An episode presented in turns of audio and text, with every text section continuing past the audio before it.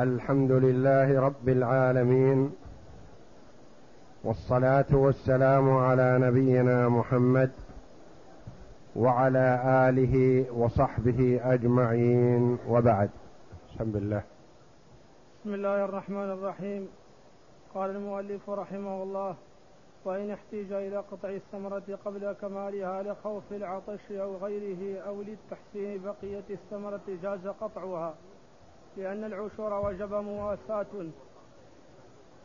فصل في قطع الثمرة قبل كمالها. وإذ يحتيج إلى قطع الثمرة قبل كمالها لخوف العطش أو غيره أو للتحسين بقية الثمرة جاز قطعها. لأن العشور وجب مواساة فلا يكلف منه ما يهلك أصل المال. ولأن حظ الأصل أحظ للفقراء. من حظ الثمرة لتكرر حقهم فيها كما هو أحظ للمالك. فإن كفى التجفيف لم يجز لم يجز قطعها. فإن لم يكف جاز قطعها كلها وإن كان فصل. وإذا احتيج إلى قطع الثمرة قبل كمالها لخوف العطش أو غيره. مثلا البستان مثمر ثمرة جيدة وزكاته كثيرة بكثرة ثمرته لكن عرض له عارض انقطع الماء أو قل الماء أو الثمرة من كثرتها ضرت الشجرة. قالوا جاز قطعها. وما قطع لا زكاة فيه. يعني بعد وجوب الزكاة بعد بدو الصلاح احتيج إلى أن يخفف من الشجرة من النخلة أو يقطع ثمرها كلها. فلا بأس بهذا لأن الزكاة وجبت على الغني مواساة للفقراء فيواسيهم مما بيده وتخفيف الثمرة على الشجرة فيه مصلحة للأصل فالمالك يستفيد وكذلك الفقير يستفيد حتى لو قطع بعض الثمرة ما هي فائدة الفقير؟ نعم بقوة الأصل يستفيد لأن حقه ليس هذه المرة فقط وإنما حقه مستمر. فهذه السنة يكون مثلا حقه خمسون كيلو. السنة الآتية إذا قوي الشجر يكون حقه مئة كيلو فهو مستفيد. كما يستفيد صاحب الأصل المالك. ولا نقول له للمالك إن الزكاة وجبت عليك ببدو الصلاح وبالخرص مثلا فلزمك أن تدفع ما خرص. خرص إن عنده عشرة آلاف مثلا بينما خفف وما بقي إلا ثمانية آلاف. لا يزكي إلا ما بقي. لكن إذا كانت الشجرة يكفي في التخفيف عنها عن قطع الثمرة بالكلية فلا تقطع الثمرة بالكلية. وإنما نخفف. فإذا لم يفد التخفيف كأن يكون الماء انقطع وإذا بقيت الثمرة تأثرت النخلة تأثرت الشجرة فتزال الثمرة بالكلية ولا حراج. ولا زكاة حينئذ. نعم. وإن كانت الثمرة عنبا لا يجيء منه زبيب أو زبيبه رديء كالخمر أو رطب لا يجيء منه تمر. جاز قطعه كالبربنا قال أبو بكر وعليه قدر الزكاة في جميع ذلك يابسا. وذكر أن أحمد نص عليه وقال القاضي لا يلزمه ذلك لأن الفقراء شركاؤه فلم يلزمه مواساتهم بغير جنس ماله. وإن كانت الثمرة عنبا لا يجيء منه زبيب أو رطبا لا يجيء منه تمر يابس. جاز للمالك قطع الثمرة والتصرف فيها ويدفع حق الفقراء زبيبا من غيره أو تمرا من غيره لأن بعض العنب لا يجيء منه زبيب. يؤكل طري عنب وإذا يبس ما صفى منه زبيب فيه فائدة.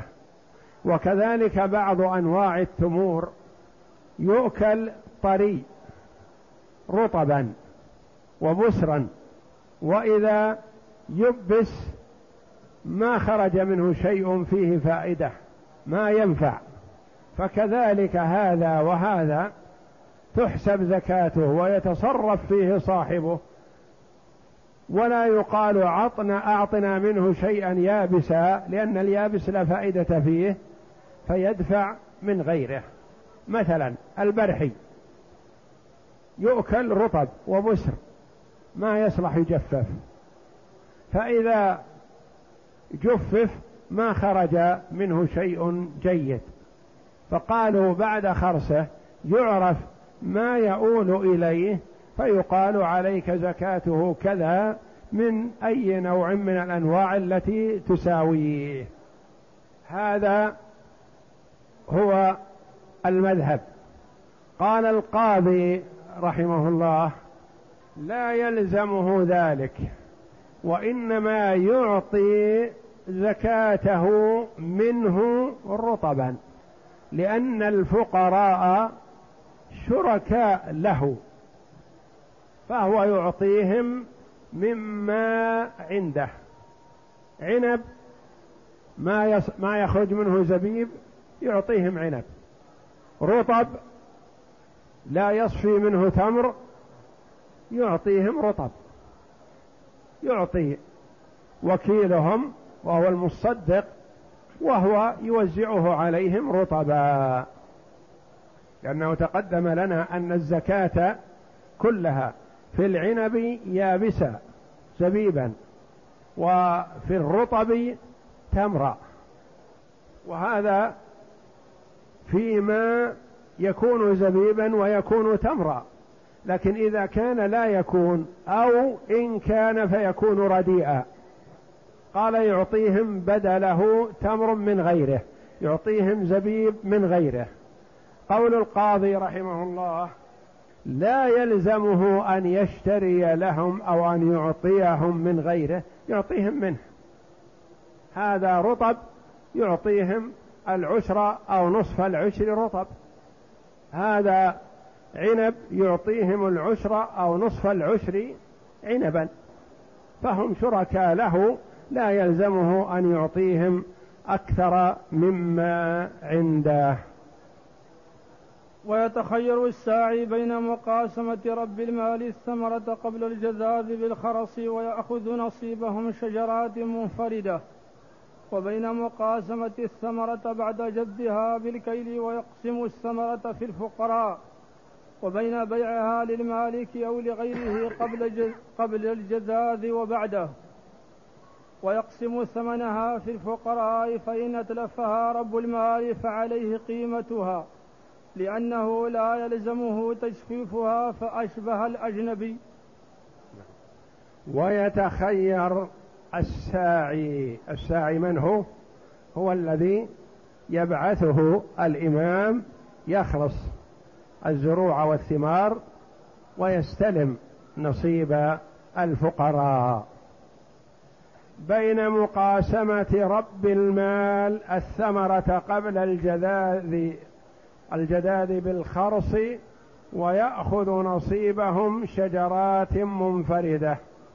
وبين مقاسمته الثمرة بعد جدها بالكيل ويقسم الثمرة في الفقراء. يقول الساعي إذا خرس وقال أنت زكاتك ألف كيلو مثلا. يكون الساعي بالخيار. إن شاء قال اعزل لنا شجر نخل زكاتك نتفق على هذه وهذه وهذه هذه زكاتك. ثم هو يتولاها الساعي إن شاء يبسها ثم وزعها على الفقراء وإن شاء جدها ووزعها على الفقراء لأنه ينوب عنهم. وإن شاء قال زكاتك كذا إذا جمعت تمرك في الجرين فأخبرني أحضر نتقاسم. آخذ أنا حق الفقراء وأنت تأخذ حقك. وإن شاء قال زكاة هذا البستان مثلا هذه النخلات العشر. اشترها يا صاحب البستان. علشان من أجل أنك إذا أردت أن تبيع ثمرتك كاملة يكون لا ضير عليك ولا استثناء. اشترها اشتر زكاتك. وإن شاء قال زكاة هذا البستان مثلا هذه العشر النخلات من يشتريها؟ يشتريها زيد أو عمرو أو صاحب البستان. سواء لأن الساعي هذا نائب عن الفقراء فهو يقول التمر يشغلني ويشغلهم نريد دراهم. وزعها عليهم يشترون بها ما يريدون. كل هذا صحيح. لا يلزم أن يدفع تمر ولا يلزم أن يقاسم في الجرين ولا يلزم أن يقاسم وهي نخل. كلها جائزة سواء قاسمه نخل. قال زكاتك هذه عشر نخلات. أو قاسمه بعدما يصل التمر إلى الجرين أو قال من يشتري نخل عشر نخلات في بستان فلان هذه وهذه وهذه.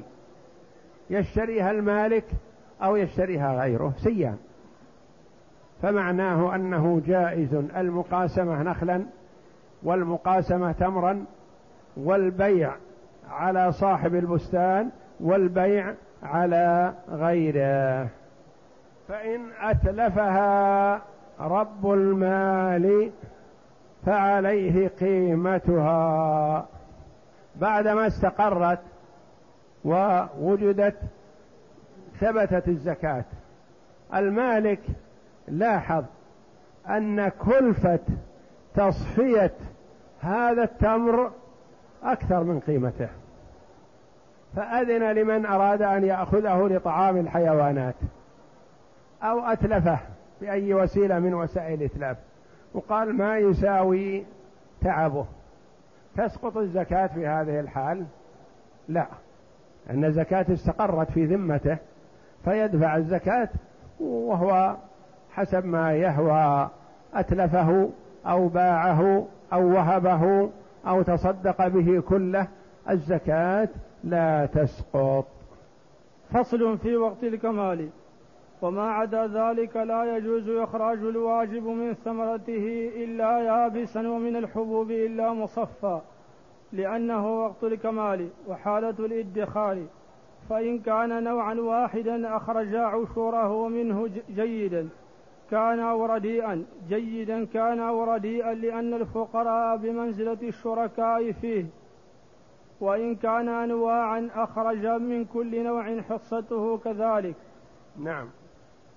وما عدا ذلك لا يجوز إخراج الواجب من ثمرته إلا يابسا.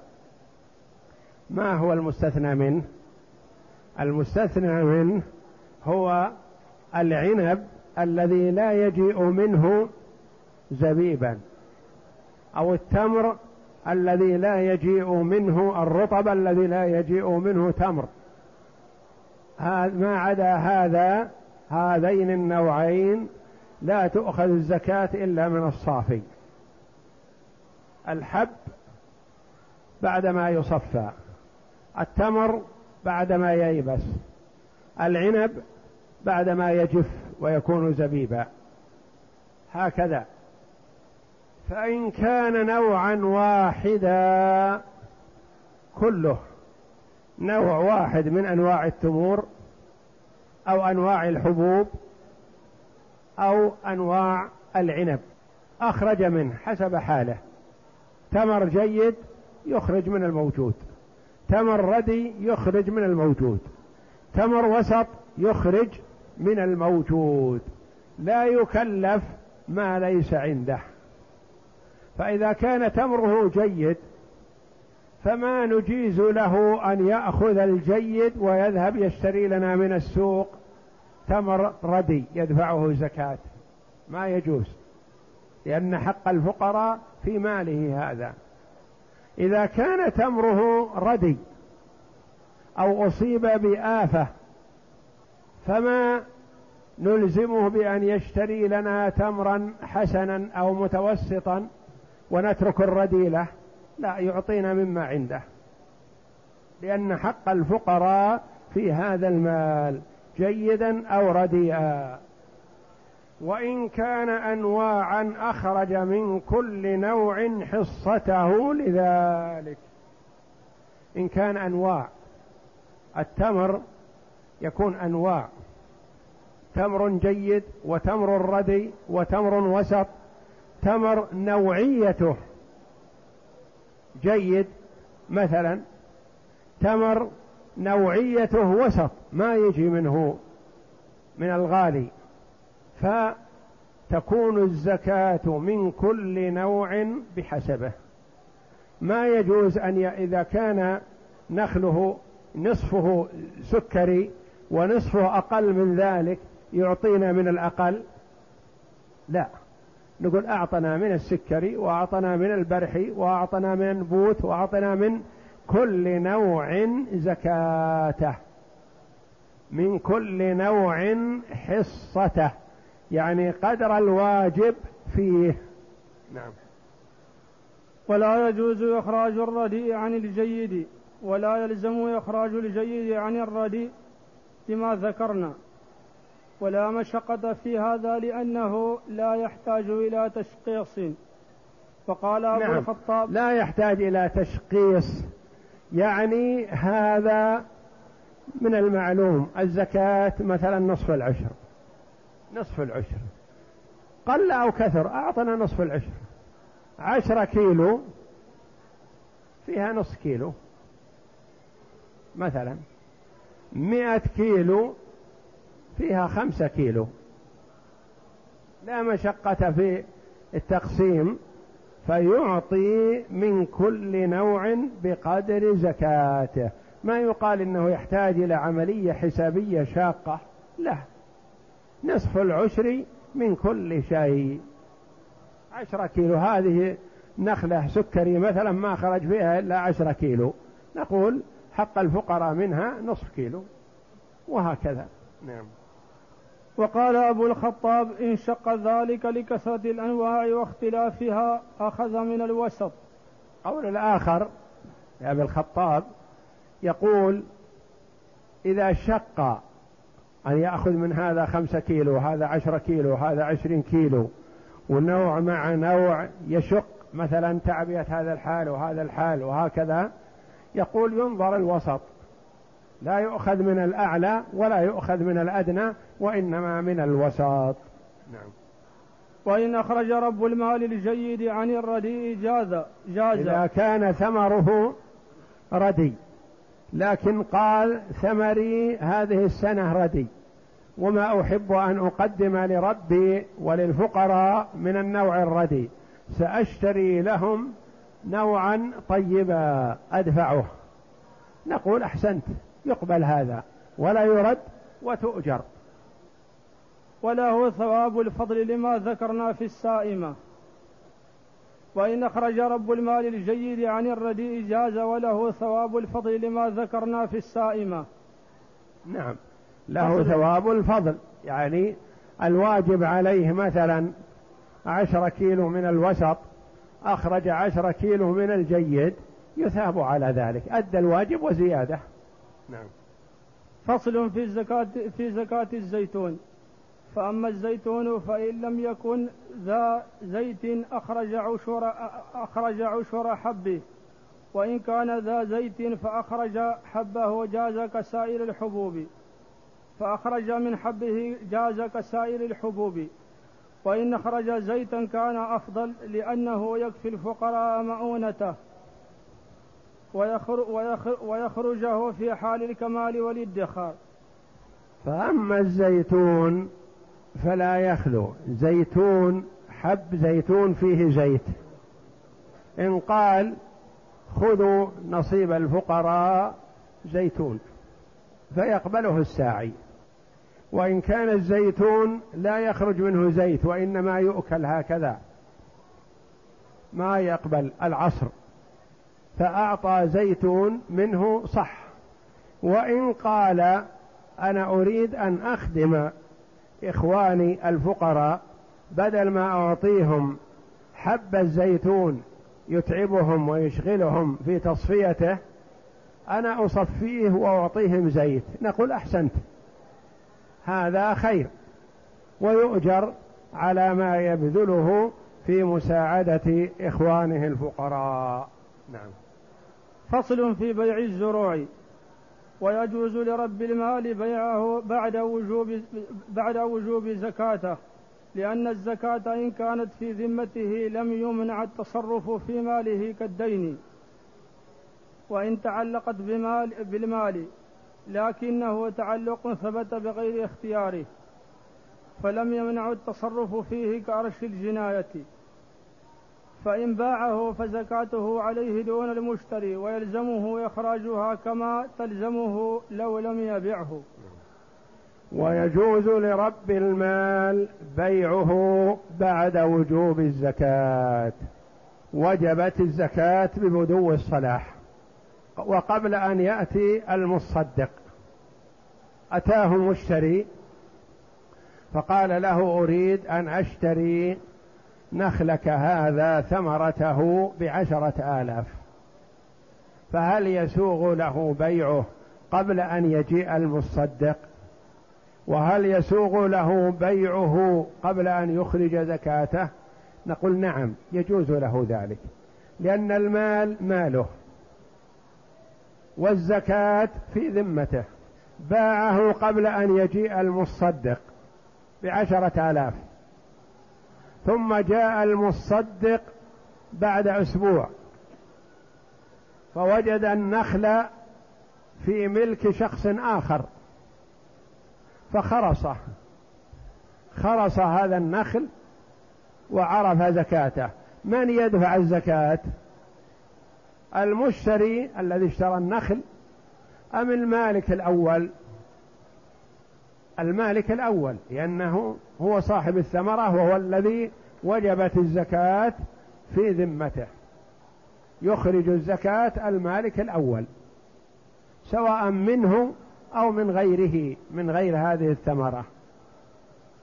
والمرء لا يمنع من التصرف في ماله حتى وإن كانت الزكاة في عين المال. الزكاة في عين المال لكن لها تعلق بالذمة فهو دفعها وإلا يخرجها من من ماله من أي جهة شاء. قال كأرش الجناية كأرش الجناية. شخص عنده رقيق عبد مملوك جنى على شخص خطأ أو عمد. وقال المجني عليه أريد المال. ما أريد القصاص من هذا الرقيق. أريد مال. قدر المال لهذه الجناية مثلا بألف ريال. يقال له هذا رقيق عبد ما عنده شيء. يقول جنايته علي متعلقة برقبته. ما يهمني عنده ولا ما عنده؟ أنت يا سيد سدد عنه وإلا ندخل السوق نبيعه وأخذ حقي والباقي لك. لو أن السيد لما جنى هذا العبد الرقيق تضايق منه وأدخله للسوق وحرج عليه وباعه هل يصح هذا البيع؟ وفي ذمته أرش يصح يصح البيع لأنه ماله. الرقيق ماله لكن متعلق به أرش جناية نقول عند استلام الدراهم لا تستلم الدراهم إلا ونحن عندك من أجل أن نأخذ أرش الجناية. أما البيع صحيح البيع هو رقيقك. بيعه بعشرة آلاف أو أقل أو أكثر لا يهمنا. المهم أرش الجناية هذه تدفعها من قيمته. كأرش الجناية يعني أرش الجناية ما يمنع التصرف في الرقيق. مثلا الرقيق اعتدى. المعتدى عليه مثلا سافر. وقال بعدما أعود أطالب. السيد أو الرقيق بهذه الجناية. السيد تضايق من هذا الرقيق لأنه اعتدى ومحتمل أن يعتدي اعتداء آخر وثاني وثالث فقال أحسن نتخلص منه. فأدخله السوق وباعه. هل يصح البيع وفي رقبته أرش؟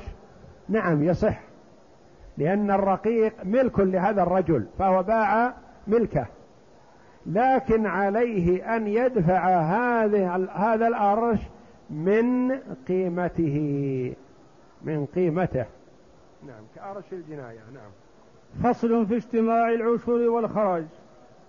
ويجتمع العشر والخراج في كل أرض فتحت عنوة. الخراج في رقبتها والعشر في غلتها. لأن الخراج مؤونة الأرض فهو كالأجرة في الإجارة. ولأنهما حقان يجبان للمستحقين فيجتمعان كالكفارة والقيمة الخراج والعشر. الخراج ما هو؟ البلاد المفتوحة. فيها بلاد أسلم أهلها عليها. هذه ملك لأهلها. بلاد فتحت بالسيف. هذه تسمى فتحت عنوة. هذه الإمام بالخيار إن شاء قسمها على الغانمين وإن شاء أو ضرب عليها خراج وصارت بيد أهلها يدفعون هذا الخراج. وأرض أخرى بلد أخرى فتحت صلحا. فتحت صلحا تحصنوا بحصونهم وما استطاع المسلمون أن يدخلوا عليهم فأرسلوا من عندهم وفد للمسلمين. قالوا الخراج هذا يكون على البلاد التي فتحت عنوة بالقوة. خراج يضربه الإمام على هذه الأرض. يدفعه صاحبها مسلما كان أو كافرا. لأن هذا بمثابة ريع الوقف. فقد يجتمع الخراج والعشر في أرض واحدة. الخراج بمثابة الأجرة والعشر زكاة. مثلا من البلاد التي فتحت عنوة. الإمام سلم هذا هذا البستان لهذا الرجل على أن يسلم في كل سنة كذا وكذا من الأنواع الحبوب والثمار ونحوها. وهذه تكون في مصالح المسلمين. وفيها زكاة. فيجتمع الخراج والعشر في الأرض الواحدة. يدفع الخراج أولا ثم ما بقي يزكى. مثلا هذا البستان إنتاجه عشرة آلاف كيلو. فيه خراج مفروض على صاحبه يدفع سنويا ألفي كيلو وعليه زكاة. كيف يكون؟ ماذا نعمل إذا اجتمع الاثنين؟ أولا نأخذ الخراج لأنه في مصالح المسلمين بمثابة الأجرة للأرض. ثم بعد ذلك نقول الباقي كم؟ ثمانية آلاف يدفع زكاتها ربع نصف العشر وهكذا. يقول ويجتمع العشر والخراج في أرض فتحت عنوة. الخراج في رقبتها يعني كأجرة لها والعشر في غلتها في الثمرة زكاة. لأن الخراج مؤونة الأرض يعني أجرة الأرض. مثل ما لو استأجر شخص من شخص أرضه ليزرعها بألف ريال فيلزمه أن يدفع الألف أجرة الأرض. ويلزمه أن يدفع الزكاة زكاة الثمرة. لأن الخراج مؤونة الأرض فهو كالأجرة في الإجارة ولأنهما حقان يجبان لمستحقين لمستحقين مستحقين فيجتمعان لأن الخراج في مصالح المسلمين والعشر للأصناف الثمانية. إنما الصدقات للفقراء والمساكين. الخراج يجوز أن يعمر منه المسجد. الخراج يجوز أن يعبد منه الطريق. الخراج يجوز أن تشق فيه الأنهار في المصالح. بخلاف الزكاة فلا. الزكاة للأصناف الثمانية الذين ذكرهم الله جل وعلا. ولأنهما حقان يجبين يجبان لمستحقين فيجتمعان كالكفارة والقيمة في الصيد المملوك على المحرم. يجتمعان كالكفارة والقيمة. شخص أحرم في السيل دخل في النسك مشى في الطريق مر بمكان قوم. فوجد حماما فأخذها وذبحها. المحرم لا يجوز له أن يذبح الصيد. ما الذي يجب عليه؟ الكفارة الفدية. بالحمامة شاة. لمن هذه الشاة؟ يأتي صاحب الحمام. يقول حقي قيمة حمامي. نقول لك حقك. فيجتمع الفدية والقيمة. القيمة للمالك والفدية للفقراء. مثل الأرض الخراجية وتفصيل الأرض الخراجية سيأتي إن شاء الله في باب الجهاد. لكن هنا الآن تعرض لها في باب الزكاة أنه تجتمع الزكاة والخراج في أرض واحدة. كالكفارة والقيمة في الصيد المملوك. لو ذبح حماما لا يعرف له مالك. بري ما الذي يلزمه؟ كفارة فقط. ذبح حماما مملوكا لزوج ما الذي يلزمه؟ الكفارة وقيمة الحمام لزيد. نعم. وقال الخرقي يؤدي, الخراج ثم يزكي ما بقي. لأن الخراج دين في مؤونة الأرض فأشبه ما استدانه لينفقه على زرعه. وقد ذكرنا فيما استدانه رواية أخرى أنه لا يحتسب, لا يحتسب به فكذلك يخرج ها هنا. وقال القاضي وقال الخرقي رحمه الله يؤدي الخراج ثم يزكي ما بقي كما مثلت سابقا.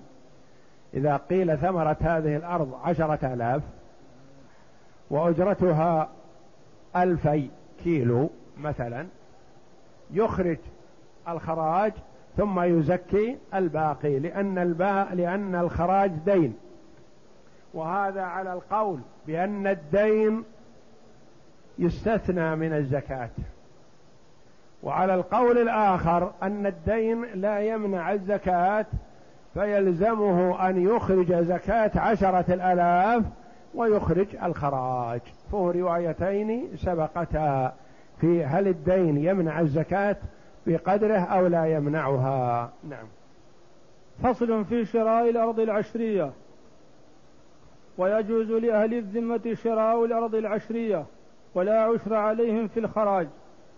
منها لأنهم من غير أهل الزكاة فأشبه ما لو اشتروا سائمة ويكره بيعها لهم لئلا يفضي إلى إسقاط الزكاة وعنه يمنعون شراؤها لذلك. يمنعون شراءها ومن وعنه يمنعون شراؤها لذلك. شراءها لذلك. اختارها الخلال وصاحبه. فعلى هذا إن اشتروها ضوعف العشر ضوعف العشر عليهم. كما لو كما لو كما لو اتجروا على غير بلدانهم ضوعف عليهم ما يؤخذ من المسلمين. ويجوز لأهل الذمة شراء الأرض العشرية ولا عشر عليهم في الخراج منها. لأنهم من غير أهل الزكاة. مثلا أرض لمسلم في مصر أو الشام أو غيرها مثلا هل يجوز أن يبيعها لأهل الذمة؟ هنا قال ويجوز لأهل الذمة شراء الأرض العشرية. يشترونها فإذا اشتروها ما عليهم عسر لأنهم لا يطالبون بالزكاة. أهل الذمة لا يطالبون بالزكاة لأن الزكاة ما تنفعهم. الزكاة طهرة لمن؟ للمسلم. أما الكافر كالكلب النجس ما يطهره شيء إلا شهادة لا إله إلا الله وأن محمد رسول الله. صلى الله عليه وسلم. لو غسل بماء البحر ما طهر مثل الكلب. لو غسلته بدل سبع مرات مئة مرة غسلت جلده بالماء والصابون و إلى آخره والمنظفات كلها هل يطهر؟ والزكاة طهرة للمسلم تطهره مما يعلق عليه. والكافر لا يطهره شيء إلا الشهادتان. إذا تشهد أن لا إله إلا الله وأن محمد رسول الله أصبح من المسلمين له ما عليهم وعليه ما عليهم له ما لهم وعليه ما عليهم ويطالب بالزكاة كما يطالبون. أما وهو كافر فلا يطالب بالزكاة. بقي قد يقول قائل لا نجيز بيع الأرض على الذمي لما يرحمكم الله؟ يقول نعم. لأن لو بعنا الأراضي على أهل الذمة ما وجد زكاة. ما وجد زكاة. إن حرمنا من زكاة للفقراء. فلذا نمنع المالك من أن يبيع. نقول بيع مالك وتصرف فيه لكن لا تبيعه على يهودي أو نصراني. إذا بعته عليه إن حرمنا من الزكاة. فيقول الإمام أحمد رحمه الله لأهل المدينة قولا حسنا لا يجيزون بيع الأرض العشرية على الذمي مطلقا ما يجوز تباع عليهم مطلقا. ولأهل البصرة قولا غريبا أو عجيبا يقولون يجوز أن نبيعها عليه لكن نضاعف عليه العشر. بدل ما الزكاة فيه نصف العشر أو العشر نأخذها مضاعفة. نقول هذه مقابل تملكك تملكك لهذه الأرض. لأن إذا بعنا عليك حرمنا إخواننا الفقراء من الزكاة زكاة هذه الأرض.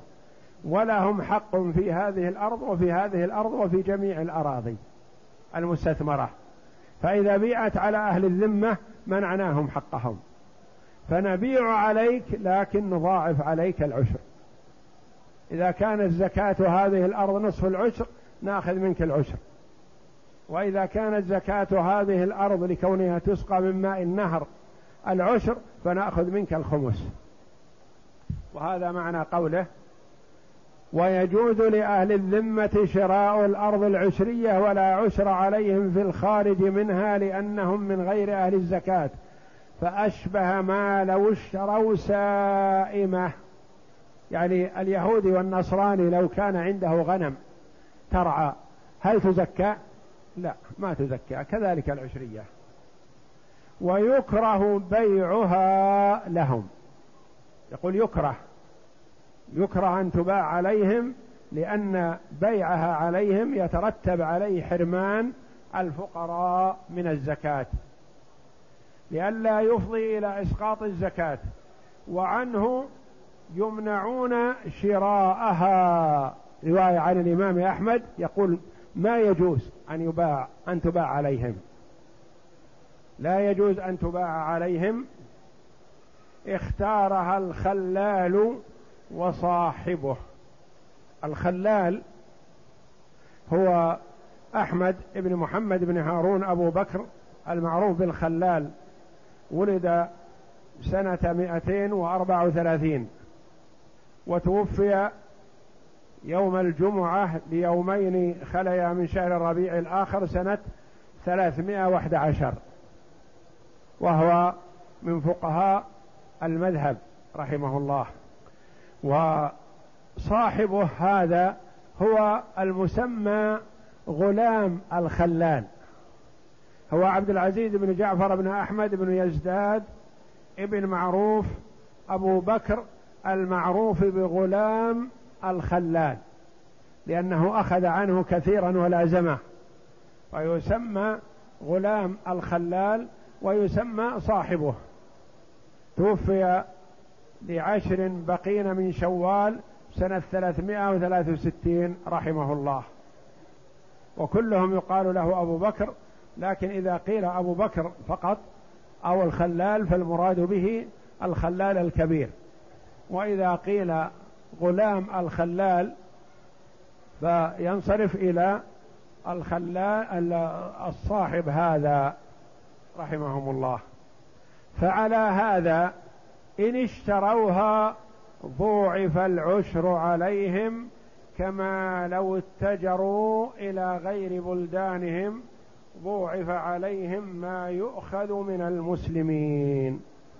يقول أهل الذمة إذا اتجروا في بلدانهم لا يؤخذ منهم شيء يكتفى بالجزية المفروضة عليهم.